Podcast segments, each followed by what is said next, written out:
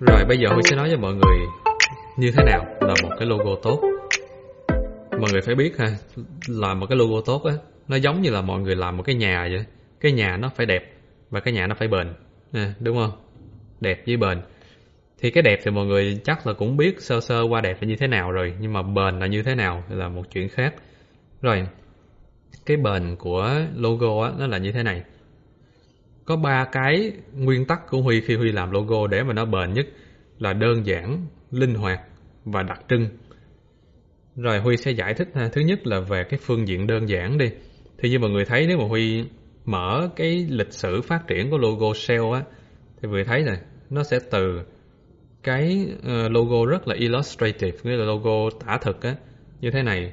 Nó rất là tả thực là một cái shell đúng nghĩa luôn, một cái vỏ sò đúng nghĩa. Nhưng mà qua thời gian cho tới thời điểm hiện đại bây giờ thì nó đã đơn giản hơn rất là nhiều rồi. Nó nhìn nó như thế này, nó là một cái gì đó hơi hơi abstract một chút xíu, hơi trừu tượng một chút xíu. Nó vẫn là cái cell nhưng mà đôi khi mình nhìn vô là mình chưa thấy được ngay, tại vì nó đơn giản hóa đi rồi. Thì ngay chính cái sự đơn giản như thế này nó mới tạo ra được cái ờ, cái lộ bền của cái logo. Ừ.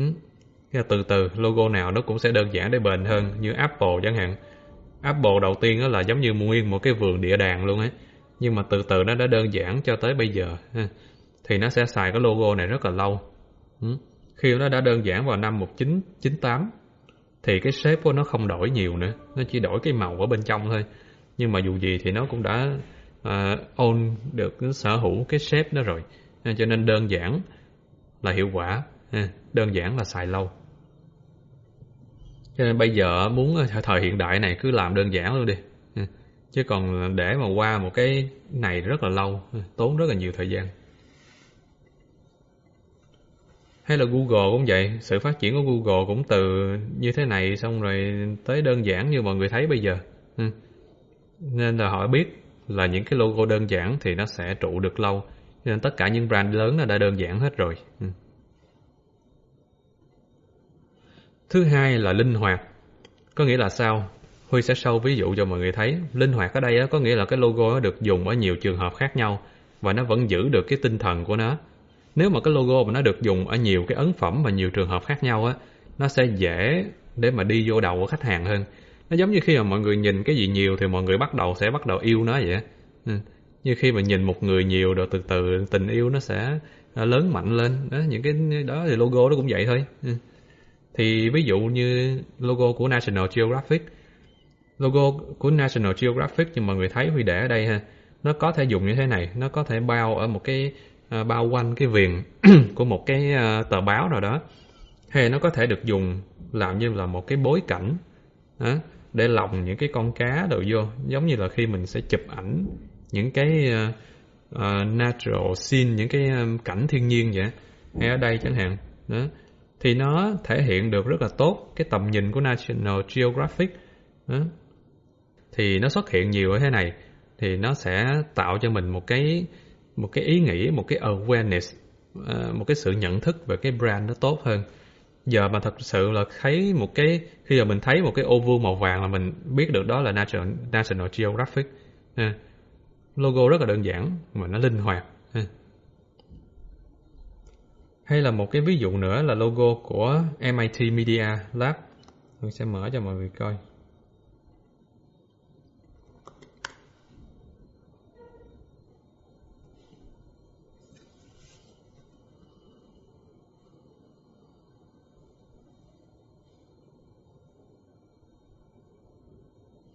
Thế như mọi người thấy cái logo của nó được biến đổi rất là nhiều tùy vào cái trường hợp sử dụng đây là cái logo chính của nó nè có chữ M với lại chữ L Mid Media Lab ha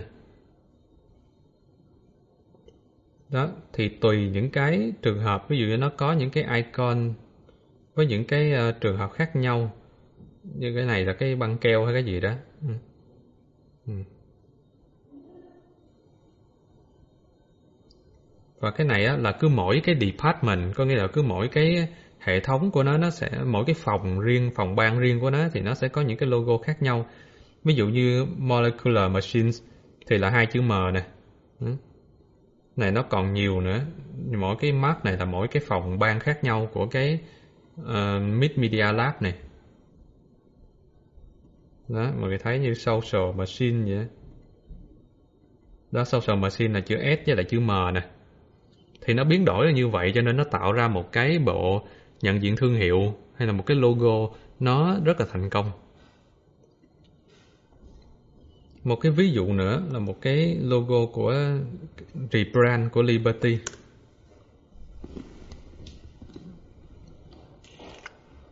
Thì mọi người thấy được nha, là ban đầu cái logo của Liberty nhìn nó rất là phức tạp như thế này. Nhưng mà Pentagram nó đã dùng những cái hình ảnh nào mà iconic nhất ờ, đặc trưng nhất của Liberty để tạo ra một cái logo tháp đơn giản hơn rất là nhiều. Đó. Và bây giờ nhìn nó rất là hiện đại, nhìn rất là hợp với lại cái brand hiện giờ. Ừ. Nó có một cái gì đó đặc biệt, nhưng mà nó vẫn đơn giản. Ừ. Đó. Và nó được dùng như thế này, tạo thành một cái frame nhìn rất là đặc trưng.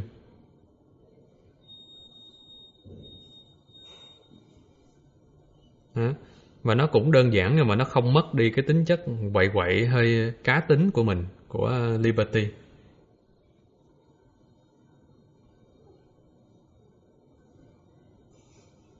Đó, ứng dụng rất là tốt luôn.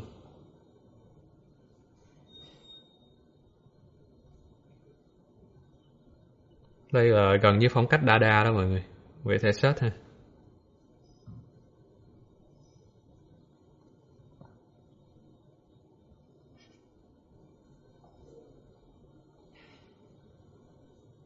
Mình nó linh hoạt trong nhiều trường hợp, mình có thể sử dụng ờ, cái phông chữ hay là cái kiểu cách của nó như cái shape của nó trong rất là nhiều trường hợp khác nhau mà vẫn giữ được cái tính của nó. Thì ờ, đây là một cái bộ nhận diện thương hiệu rất là tốt. Hay một bộ nữa, nếu mọi người thấy cái bộ hồi nãy nó hơi ờ, quá quắc, thì cái bộ này nó sẽ làm mọi người thấy được là cho dù logo đơn giản, nhưng nếu biết dùng vẫn rất là hiệu quả. Đó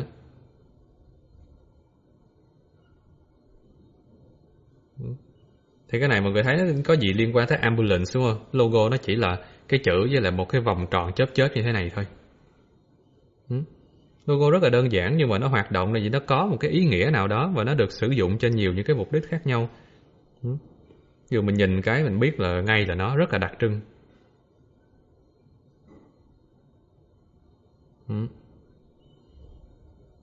Nó là ambulance mà cho nên nó phải là cái gì đó rất là bắt mắt này. isolation có chữ O xong mấy chữ kia cắt ra nó thấy rất là thông minh. Này nó như là cái chớp chớp của cái xe cứu thương á. Và nó rất là rõ ràng nếu như mình nhìn vô mình có thể đọc được ngay mình không phải đoán không phải ờ, uh, confuse gì uh, tại vì ambulance nó cần phải rõ đúng không? Đó rất là nhiều trường hợp khác nhau như là cái chỗ này chẳng hạn. 999 uh chớp chớp rồi người ta có thể, nó có thể đưa vô, đi vô đầu người ta một cách rất là nhanh chóng.